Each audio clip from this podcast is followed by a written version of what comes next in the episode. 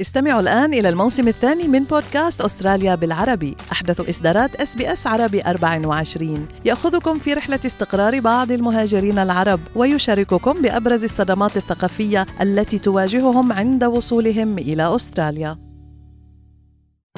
الأخبار من إس بي إس عربي 24 في هذه النشرة الإعلان عن زيارة للرئيس الفرنسي إلى إسرائيل يوم غد الثلاثاء. الجيش الإسرائيلي يعلن أنه أطلق النار بالخطأ على موقع مصري وبكين توافق على مراجعة الرسوم الجمركية على النبيذ الأسترالي قبيل زيارة رئيس الوزراء.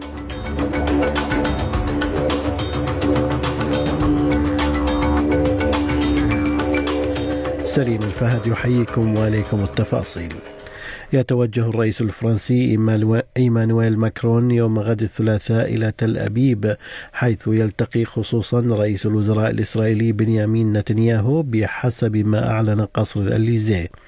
يأتي الإعلان عن زيارة ماكرون هذه بالتزامن مع قيام الرئيس الأمريكي جو بايدن ببحث الحرب بين إسرائيل وحماس مع قادة فرنسا وكندا وألمانيا وإيطاليا وبريطانيا بحسب البيت الأبيض. يأتي ذلك أيضا وسط دعوات لوقف إطلاق النار حتى يمكن إيصال المساعدات إلى غزة وبعد الإعلان أيضا عن زيادة حصيلة الضحايا بحسب ما تذكر مراسلة اس بي اس عربي 24 في الأراضي الفلسطينية راما يوسف. وزارة الصحة الفلسطينية في غزة كانت قد أعلنت عن ارتفاع أعداد الفلسطينيين قبل قليل الذين قتلوا في القصف الصاروخي المستمر طبعا إلى آه، خمسة آلاف فلسطيني العدد قابل للازدياد آه، طبعا أيضا وزارة الصحة آه، الإسرائيلية أعلنت عن ارتفاع أعداد الضحايا الإسرائيليين إلى 5431 إسرائيليا منذ بدء عملية طوفان الأقصى كما يطلق عليها في السابع من أكتوبر. هؤلاء الضحايا ما بين جرحى وقتلى من جانب آخر توقفت عملية إيصال المساعدات الإنسانية عند معبر رفح بين مصر وقطاع غزة بعد سماع أصوات قصف بالقرب منه. ووقع القصف بعد فترة وجيزة من دخول قافلة مساعدات ثانية مكونة من 19 شاحنة إلى المعبر من الجانب المصري. وقال متحدث باسم قوات الدفاع الإسرائيلية في وقت لاحق إن دبابة إسرائيلية أطلقت النار بطريق الخطأ وأصابت موقعا مصريا. فيما أكد متحدث باسم الجيش المصري في بيان إن عددا من حرس الحدود المصريين أصيبوا بجروح طفيفة بعد إصابتهم بطريق الخطأ بشظايا قذيفة أطلقتها الدبابة. هذا وأعرب الجيش الإسرائيلي عن أسفه إزاء الحادث الذي يجري التحقيق فيه. دون تقديم مزيد من التفاصيل. من جانبها قالت مقررة الأمم المتحدة الخاصة المعنية بالأراضي الفلسطينية فرانشيسكا البانيزي إن هناك حاجة إلى قوافل أكبر بكثير لتقديم المساعدات لمليون شخص نزحوا من بين سكان غزة البالغ عددهم مليونين وثلاثمائة ألف نسمة. Before the 7th of October, about 500 trucks were entering Gaza and they were considered not sufficient to meet all the needs of the population. And I'm puzzled by the fact that the international community doesn't come to terms with the fact that there is a need for an immediate ceasefire. يتزامن ذلك مع إعلان وكالة غوث وتشغيل اللاجئين الفلسطينيين الأنوروا الأحد عن مقتل 29 من موظفيها في قطاع غزة منذ بداية الحرب بين إسرائيل وحركة حماس في السابع من تشرين أول أكتوبر الجاري. من جهته قال وزير الدفاع الإسرائيلي يوف جالانت إن حرب إسرائيل في غزة يجب أن تكون الأخيرة في القطاع الفلسطيني لأنه لن يكون هناك وجود لحماس بعد ذلك على حد تعبيره. وأضاف جالانت متحدثا لجنود في قاعدة جوية إن الأمر سيستغرق شهرا أو شهرين أو ثلاثة أشهر. في غضون ذلك تبادل الجيش الإسرائيلي وحزب الله اللبناني إطلاق الصواريخ مما أدى إلى وقوع خمسة إصابات على الجانب الإسرائيلي ومقتل ستة من عناصر الحزب وعنصر من حركة الجهاد الإسلامي في جنوب لبنان. إلى أستراليا حيث تجمع الآلاف من الأشخاص في ملبن في مسيرة تضامنية مع الفلسطينيين. ودعت الاحتجاجات في كبرى المدن الأسترالية في نهاية الأسبوع إلى وقف إطلاق النار وشهدت مدينة سيدني تظاهرة كبرى لتأييد الفلسطينيين.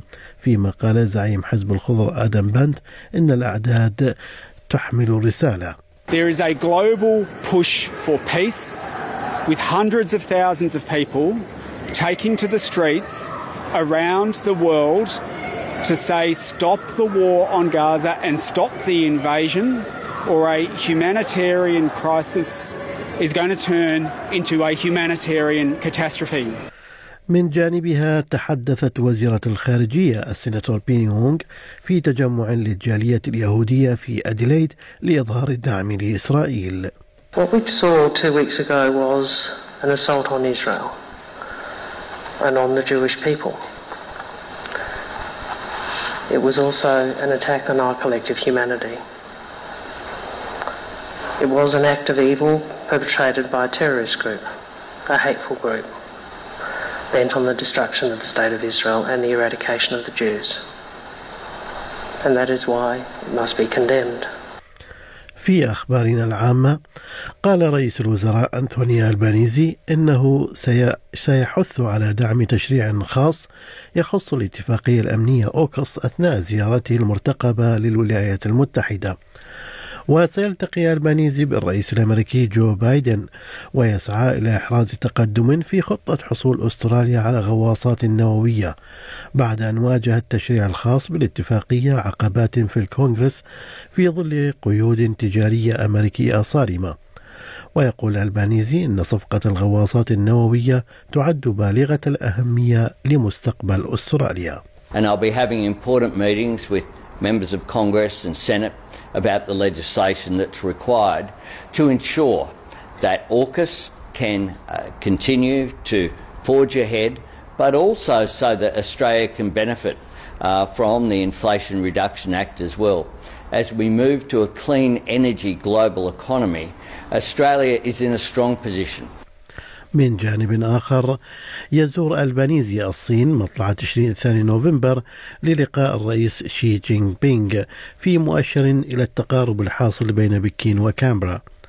وقرر البانيزي الذي كان أعلن الزيارة في أيلول سبتمبر القيام بها بين الرابع من تشرين الثاني نوفمبر والسابع منه بعدما وافقت الصين على مراجعة رسوم جمركية باهظة على النبيذ الأسترالي أثارت نزاعا بينهما في منظمة التجارة العالمية. كشف تقرير جديد أن تكلفة الغذاء هي المساهم الرئيسي في انعدام الأمن الغذائي في أستراليا حيث يشعر ما يقارب من نصف السكان بالقلق من الجوع. ويكشف تقرير الجوع الصادر عن بنك الطعام لهذا العام أن 48% من عامة الناس يشعرون بالقلق أو يكافحون من أجل الحصول باستمرار على الغذاء الكافي.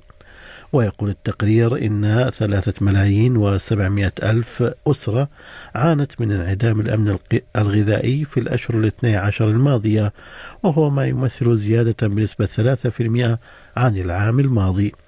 وتقول بريانا كيسي الرئيسة التنفيذية لفود بانك أستراليا إن أزمة تكلفة المعيشة حادة للغاية لدرجة أن الحصول على وظيفة لم يعد يوفر ضمانا ضد الجوع. We know that we are seeing people who are younger. We know we are seeing people who are employed.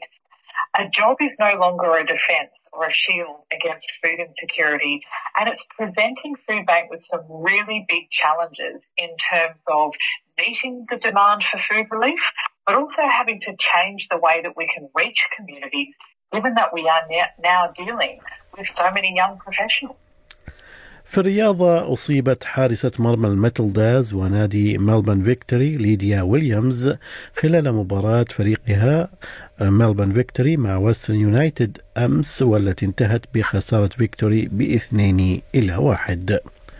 في أسعار العملات بلغ سعر صرف الدولار الأسترالي 63 سنتا أمريكيا.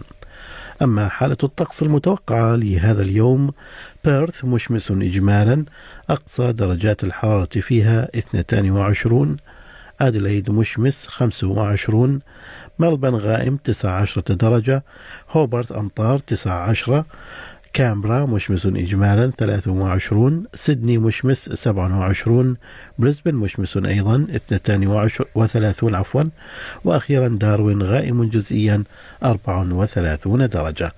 كانت هذه نشرة الأخبار قرأها على حضراتكم سليم الفهد من أس بي أس عربي 24 شكرا لإصغائكم.